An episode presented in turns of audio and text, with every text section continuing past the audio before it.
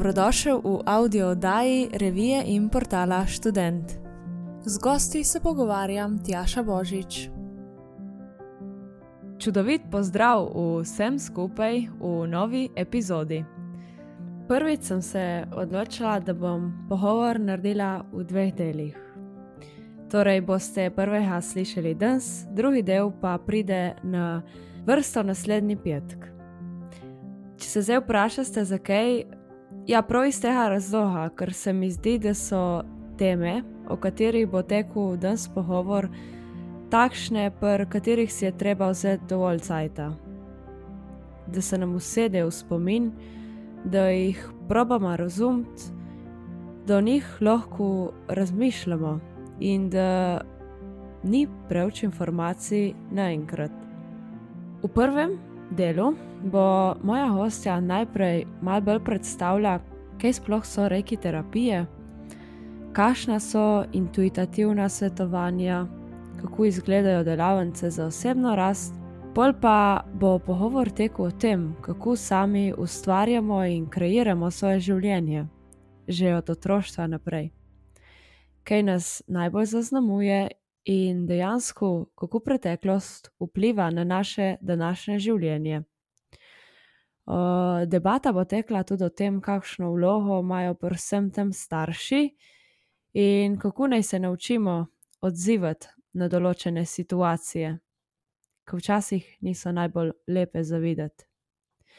Skratka, krasen in poučen pogovor, in upam, da ste zdaj nekaj v meri, da ste si vzeli cajt zase in boste uživali v tem pogovoru. Moram reči, da mi je v veliko veselje, da danes klepetam z njo, žensko, ki na življenje gleda z tiste plati, s katere bi bilo fajn, da bi nas gledalo čim več.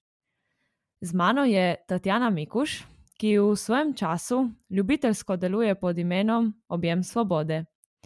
K njej lahko pridemo na intuitivna svetovanja, na delavnice za osebno rast, na rejki terapije in še kar nekaj drugih stvari.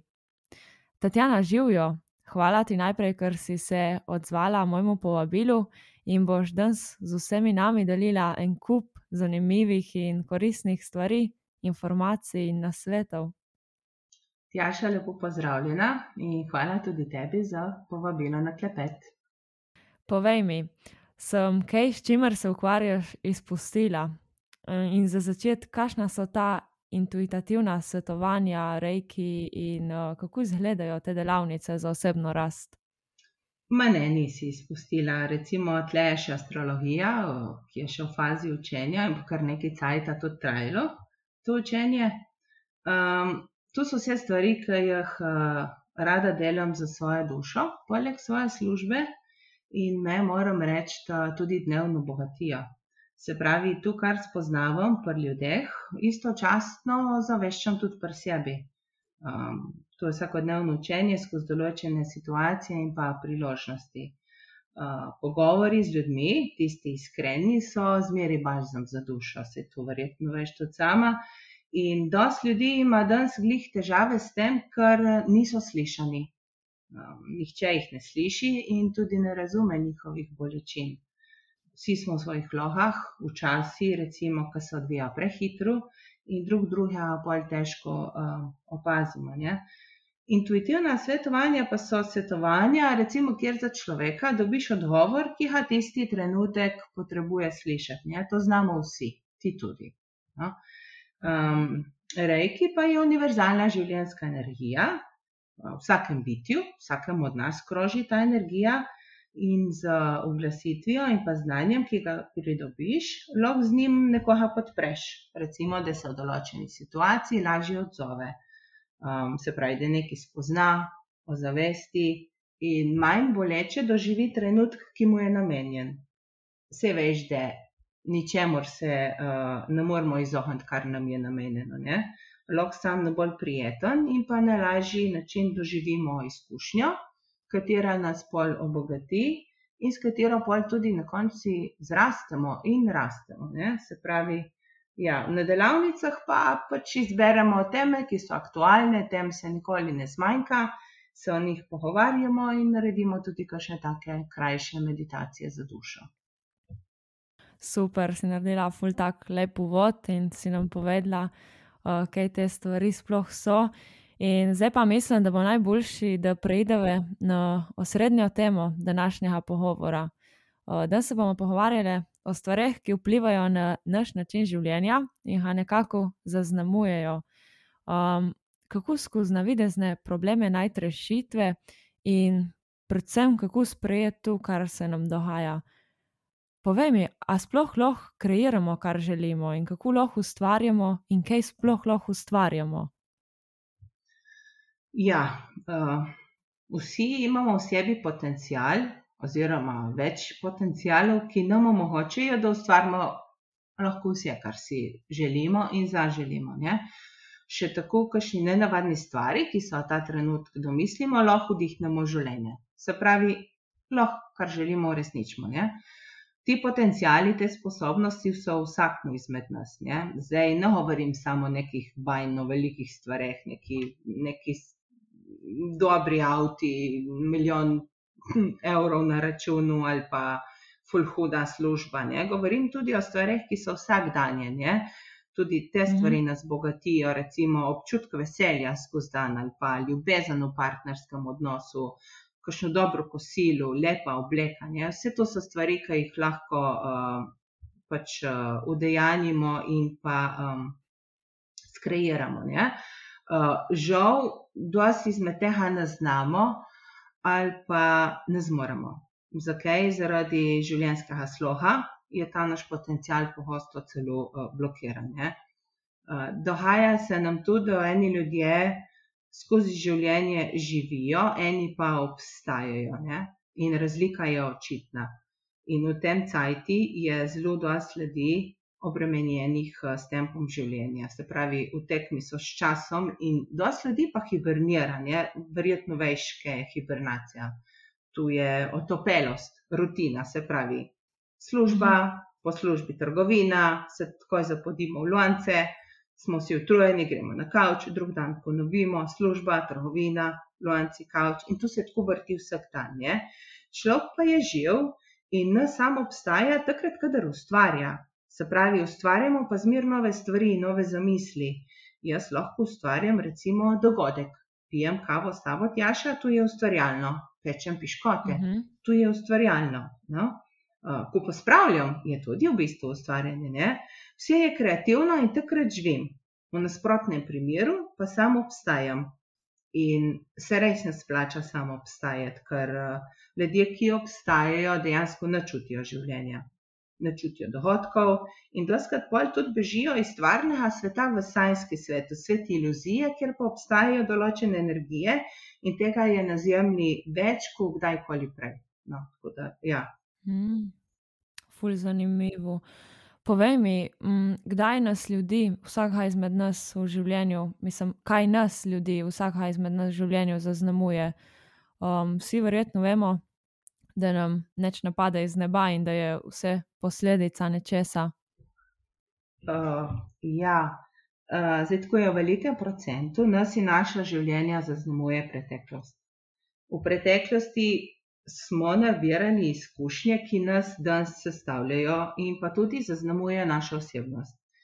Zato smo ta trenutek, kakršni pač smo. Ne? Se pravi, nekje v nas kar nas sili v neko ravnanje. In doskrat se zgodi, da tako ne poznamo ali pa ne zmoremo božjega načina. Do tega nas je pripeljala neka boleča izkušnja ali pa več njih iz preteklosti, pa tudi dobre izkušnje. Ne? Uh, seveda, zdaj ni nujno, da se te izkušnje spomnimo, ali pa tudi, če se jo spomnimo, se nam zdaj, v tem momentu, ko smo, uh, Eh, res ne zdi, da je bilo tisto takrat uh, traumatično. Ne? Ampak takrat, tisti trenutek, se je zgodilo nekaj, kar nam je postilo posledice, po katerih se sedaj v določenih situacijah tudi odzivamo, se pravi, mislimo in pa uh, čustvujemo. In v takih mhm. trenutkih se nam bolj pogosto, uh, se niti ne zavedamo, da obstajajo tudi kakšni drugi načini uh, vedenja, čutenja, mišljenja in ravnanja. Se pravi, smo nekako prepričani, da imamo edini prav. recimo primer partnerja se med sabo krehata, vsak ima svoj prav, seveda, ne? vsak izhaja iz svojih vzorcev, svojih čustev, svojih bolečin in prepričanj. In zdaj umetnost le je najti kompromis, da vsak malce popusti in dopusti, ne? se pravi, kaj pa če. Razumeš? Uh -huh, uh -huh. Ja, ampak, kot si rekel, ne, umetnost le je najti kompromis. ja, tako je. Povedala si nam, da naša življenja definira preteklost. Kaj točno pa je tista preteklost, oziroma kje so tiste točke v preteklosti? Zdaj, kot prvo, je potrebno sprejeti dejstvo, da je bila preteklost točno takšna, kakršna je bila. Se pravi, dokler preteklosti ne sprejmemo z mirom in ljubeznijo, bomo s sabo prenašali nepotrebno breme. Se pravi, -hmm. sprejeti dejstvo, da so v tem trenutku stvari točno takšne, kakršne so. Dokler se jim upiramo, tratimo energijo in brez potrebe trpimo. Ne? Ker uh, življenje je v resnici spoznavanje sam pa sebe vseh sporednih življenj in resničnosti skozi naloge, skozi odnose, preizkušnje, s katerimi se srečujemo vsak dan in na vsakem koraku. In vsak trenutek kreiramo svojo sedanjost. In ko se drugače, z večjim zavedanjem odzovemo na traumatično situacijo, na kakšen traumatičen odnos, lahko spremenjamo tudi svojo preteklost oziroma podobne traumatične vzorce v paralelnem življenju da bi to boljše recimo razumeli ali pa razumeli, je dobro, da pogledamo globoko v našo preteklost, v naše otroštvo. Ne? Ker v bistvu se vse začne že v maternici, ko je, ko je mamica noseča, o tem kdaj drugič. No? Drugače mhm. pa tako ne, če gledamo od dojenčka naprej, naredimo en tak kratkopis, prve dva meseca, mhm. recimo, je otrok nedovzeten za spodbude iz okolja. Deluje zgolj iz čistega nahona, se pravi, tu je hranjenje in spanje. Ja. Pri šestih mesecih, recimo, prvič že poskuša odriniti mamo in začne se proces ločene identitete. Se pravi, kaj to pomeni? Otrok že razlikuje neznanca od mame in tudi pazi, budno opazuje, kako se mama odziva na tega človeka. Ne? Se pravi, v tem obdobju se tudi pojavlja bolečina ločenosti in otrok se začne pozvati z medvedki, z dudico, dejico, plenico. In ti pripomočki otroku pomagajo omiliti bolečino ob ločitvi od mame. Ne? V obdobju med 10 in 18 mesecem pa je obdobje, ko se otrok zavest svojih samostojnih funkcij se uči, preučuje svoje lastne sposobnosti in pa svet pred seboj, ne raziskuje, ne vem, dnevno sobo, spalnico, kuhinjo. In sproti tudi ugotavlja, da svet ni več tako lep, ne. Um, se proba pobrati, pa pade na rito, pa hodi, pa se spotakne in spade. Sej, verjetno ti vse to znano, um, ko imaš tudi mlajšega brata, recimo, ne tako, da veš, kako to poteka. Se pravi, mhm. otrok se opoteka, pade, se pobere in istočasno ob tem ugotavlja, kako je to težko, ampak pazi, otrok je ustrajen. Ej, lih tu sem tla reči, da pač uh, dejansko lahko opaziš te stvari, če, če jih zavestno gledaš. Ampak uh, ja. rekla si, da je ustrajen in tega nam odraslim pogosto manjka, ustrajnosti. Ne? Ja, uh, zato ker smo mi odrasli preveč v svoji glavi. Ne? Kaj pa če? Ne? Se že prej, karkoli naredimo, že začnemo razmišljati, kakšne bojo posledice. Dobro, vse v določenih situacijah je že prav, da tako reagiramo. Ampak eh, včasih bi bilo pa bolj, da bi se prepustili um, notranjemu instinktu. Uh, pri otroku je pa tako, otrok se pri tej starosti še dejansko ne zaveda posledic. Da je padel in da ga je zabolelo, on to pri drugem poskusi, kar se bo pere že pozabi. Ne? Sploh ne dojame, ker je tako pijet ta adrenalin, uh, ki ga pele naprej, da, da samo šiba, ravna črtanje. Je pa tako, v tem obdobju se ta otrok vrne k mami, zato da se spočije in da si pol nabere nove moči. Ne?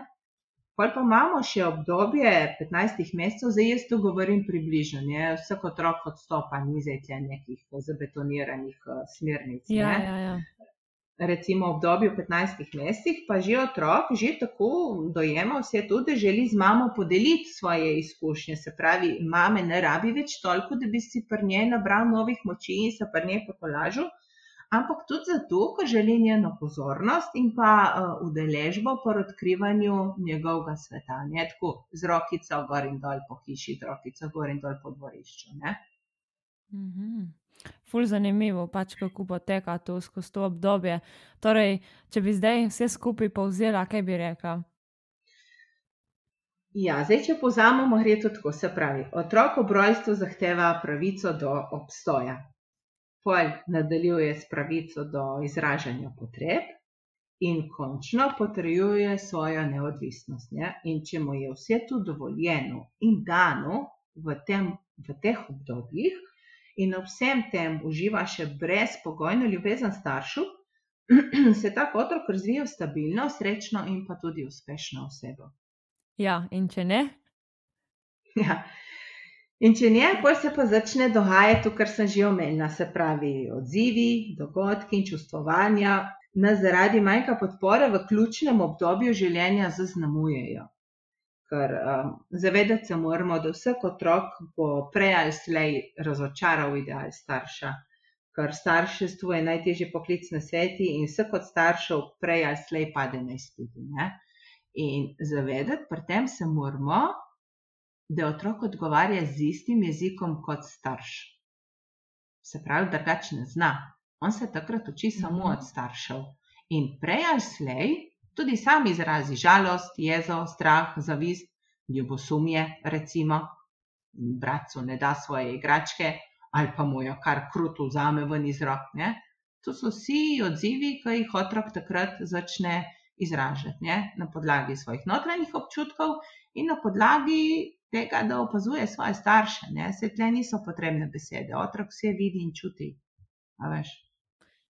Ja, mislim, da je res, ampak kaj pa navadno starši naredijo v takem primeru?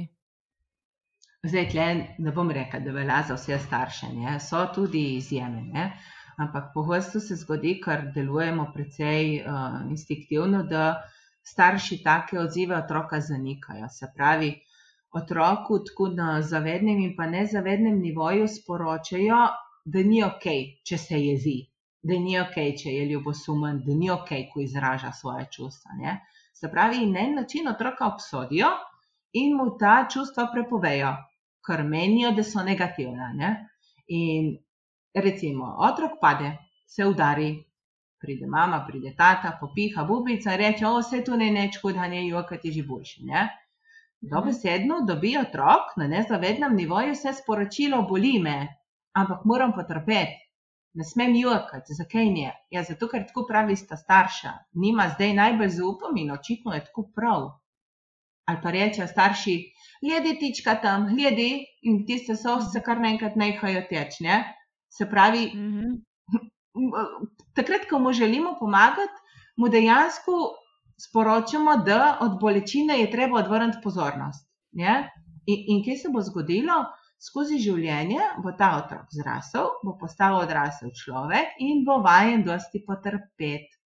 Kaj se bo zgodilo z bolečino, ostajala bo noter in počasi od znotraj načenjala duševno in pa tudi fizično zdravljenje. Tu se nič ne zgodi od danes do jutra. Tu so taki drobni procesi, ki trajajo in pol v življenju uh, začnejo pač v določenih situacijah uh, skakati ven. No, mm -hmm. Se kazati. Ja. Se kazati torej, ja. Kakšen pa je pravilen odziv, oziroma kakšen je odziv z najmanj posledic za otroka, kako se morajo starši odzvati? Ja, zdaj pravilnega odziva ni. Še vsak, ki naredi neko, neko dejanje, smatra, da je to, ta odziv pravilen. Se pravi, nekako lahko pravilen odziv ne ostaje. Ne? Uh, Mal kdo se zaveda, recimo, da so ti odzivi otroka projekcija nas staršev. Ne? In uh, kako odziva otroka pozdravimo? Nikakor ne je tako, da začnemo direktno vplivati na otroka, ampak da najprej v prvi vrsti začnemo spreminjati sebe oziroma zdraviti samega sebe in uh, naš odnos do čustev in do bolečin. Um, se pravi, če otroki ta njihova čustva prepovemo, uh, jih bo mogel otrok, ko se nekaj že prej, ko bo zrasel, če bo hotel preživeti, dejansko zanikati. Ne? In to pa saj tam pele v škodo, ki je zmer težko, težje popravljiva. Um, zdaj, zakaj se toliko ustavljamo zdaj v obdobju otroka? Zato, ker smo vsi bili enkrat nekoč otroci in mogoče mm. imamo sedaj možnost, recimo, da pogledamo nazaj. Mogoče po tem najnem pogovoru pa kdo najde dohodek, ki pa zdaj lažje ozavesti, bo rekel, aha, pa res, ne? mogoče je pa res to uh, nek vzrok, uh, da se meni določene stvari uh, dogajajo. Se pravi, delo uh, na, na svojih bolečinah in svojih čustvih v ključnem obdobju zdravi tudi odzive otroka, ne? ker otroci so v biopolju staršev integrirani do osmega leta. Ne? In takrat je res obdobje, ki je prav, da, da delamo na sebi in spremljamo svoje odzive in čustvovanje. Drugač pa smo zmeraj nekako vedno povezani z biopoljem staršev, sploh pa če živimo še skupaj. Ne? Otrok je prva tri leta v biopolju mamice, samo mamice, potem je pa tudi očetov uh, naprej, tako da ima sta oba starša ključno vlogo skupaj. Mm -hmm. In je prav, da se potrudiš tako, kar je v njuni moči. Ja, tako se vede. Na kakšen način pa lahko pozdravimo svoje bolečine, ki smo jih v preteklosti doživeli in ponotranili? Zdaj jaz mislim, da bi bilo eno življenje prekratko, če bi želeli pozdraviti vse svoje frustracije in vse svoje bolečine preteklosti. Um, ključno pri vsem tem je uh, odpuščanje in pa sprejemanje ne se ne zgodi od danes do jutri. Tu je enostavno proces življenja. Odpuščanje in sprejemanje pa je tisti, tisto, ki je v naši domeni in za katerega se lahko v določenem momentu odločimo. Ne? Se pravi, odločam se, da bom odpustila in sprejela dogodek ali pa karkoli. Mm -hmm. Se pravi, komu bom odpustila? Ja, najprej sebi. To je ključno da sem se takrat znašla v enem trenutku in da sem tako odreagirala, je bilo na stopni mojega dojemanja življenja takrat najboljši. Toliko sem zmogla, toliko sem dala od sebe in tle se nima več kaj, recimo, kaznovati ali pa obtoževati. Ne? In zato je edino pravilno, da si odpustim vse takratne odločitve, ki so prinesle različne posledice, oziroma jih še prinašajo sedaj v življenju. Ne? In ko odpustim sebi, pa lahko odpustim tudi drugim. In zmeraj je nekako prav, da gremo od najbližjega člana naprej. In še enkrat pri tem nas mora voditi razumevanje, da je vsakdo ravnal tako, uh, se pravi, tista oseba nasproti, vedno sta za to dva, vsaj dva, mm -hmm. uh, da je ravnal tako, kot tisti trenutek vedu in najboljši znov. Se pravi, jaz ne morem obsojati dejanja ali pa odločitve nekoga, ker dejansko ne vem, kaj je zadej. Ne? Obstajajo tudi drugi načini in procesi, ampak o tem mogoče kaj drugič. Ful zanimivo, uh, ker si rekla, da pač najprej moramo začeti pri sebi in gremo vedno od najbližjega člana naprej in kaj mi delamo, pogosto jih obratno. Ampak ja, uh, deva reči, da bo ta pogovor, upam, kašnemu tako odprl oči na tak način, da bo začel mal drugače razmišljati. Um, kakšen je pa naš odnos do samopodobe, U, zelo dobro vprašanje. Um, zdaj, kaj je samo podoba? Samo podoba je to, kako mi sebe vidimo in dojemamo. Ne? In um, vsi mi imamo zelo slab odnos do samo podobe. Jo imamo izrojeno in prodano samo podobo. Zakaj? Um, zato, ker vse cajt kupujemo neko ljubezen in neko naklonjenost. V tem sistemu, v katerem smo, smo nekako tako usmerjeni, da ne delujemo iz sebe, temveč izven sebe. Se pravi, zmer gledamo, kako je drugim ok in kako pri drugimi izpademo. Zelo nam je pomembna ta naša figura, naš lik, naša vloga. Ne samo po zunanjosti, temveč tudi po tem, kar mi predstavljamo. In glih zaradi tega je dosti, dosti ljudi osamljenih. Zaradi tega, ker zmeraj razmišljamo o tem, kako nas drugi vidijo. In pol na mestu, da bi šli v akcijo, se rajš potegnemo nazaj. To je spet posledica naših uh, preteklih dejanj, našega otroštva, pač skupek vseh stvari. Ne? In recimo, jaz zdaj pogledam tebe, Tjaša, uh Mhm. -huh. in domnevam, kaj si ti misliš o meni. Recimo, O, ja. Ma ti ta moment, ma ti ta moment, recimo, razmišljaš o enem frajerju? Ampak jaz si mislim, ko se mal mrščiš ne, na ta tvoj pogled, da si ne misliš nič kaj dobrega o meni. Ne? Se pravi, zakaj prihaja do tega, zakaj se ljudje tako odzivamo, razmišljamo? Zato, ker se koncentriramo na sebe. Vse koncentriramo na sebe. In človek, ki je najbolj kritičen do sebe in pa do drugih, tisti je žal, ampak res tako, je na najnižjem pragu samozavesti. Lajkaj, šeraj, komentiraj. In nam povej, kaj bi rad slišal v prihodnih audio oddajah. Ideje lahko najdeš v reviji Student in na spletnem portalu www.student.si.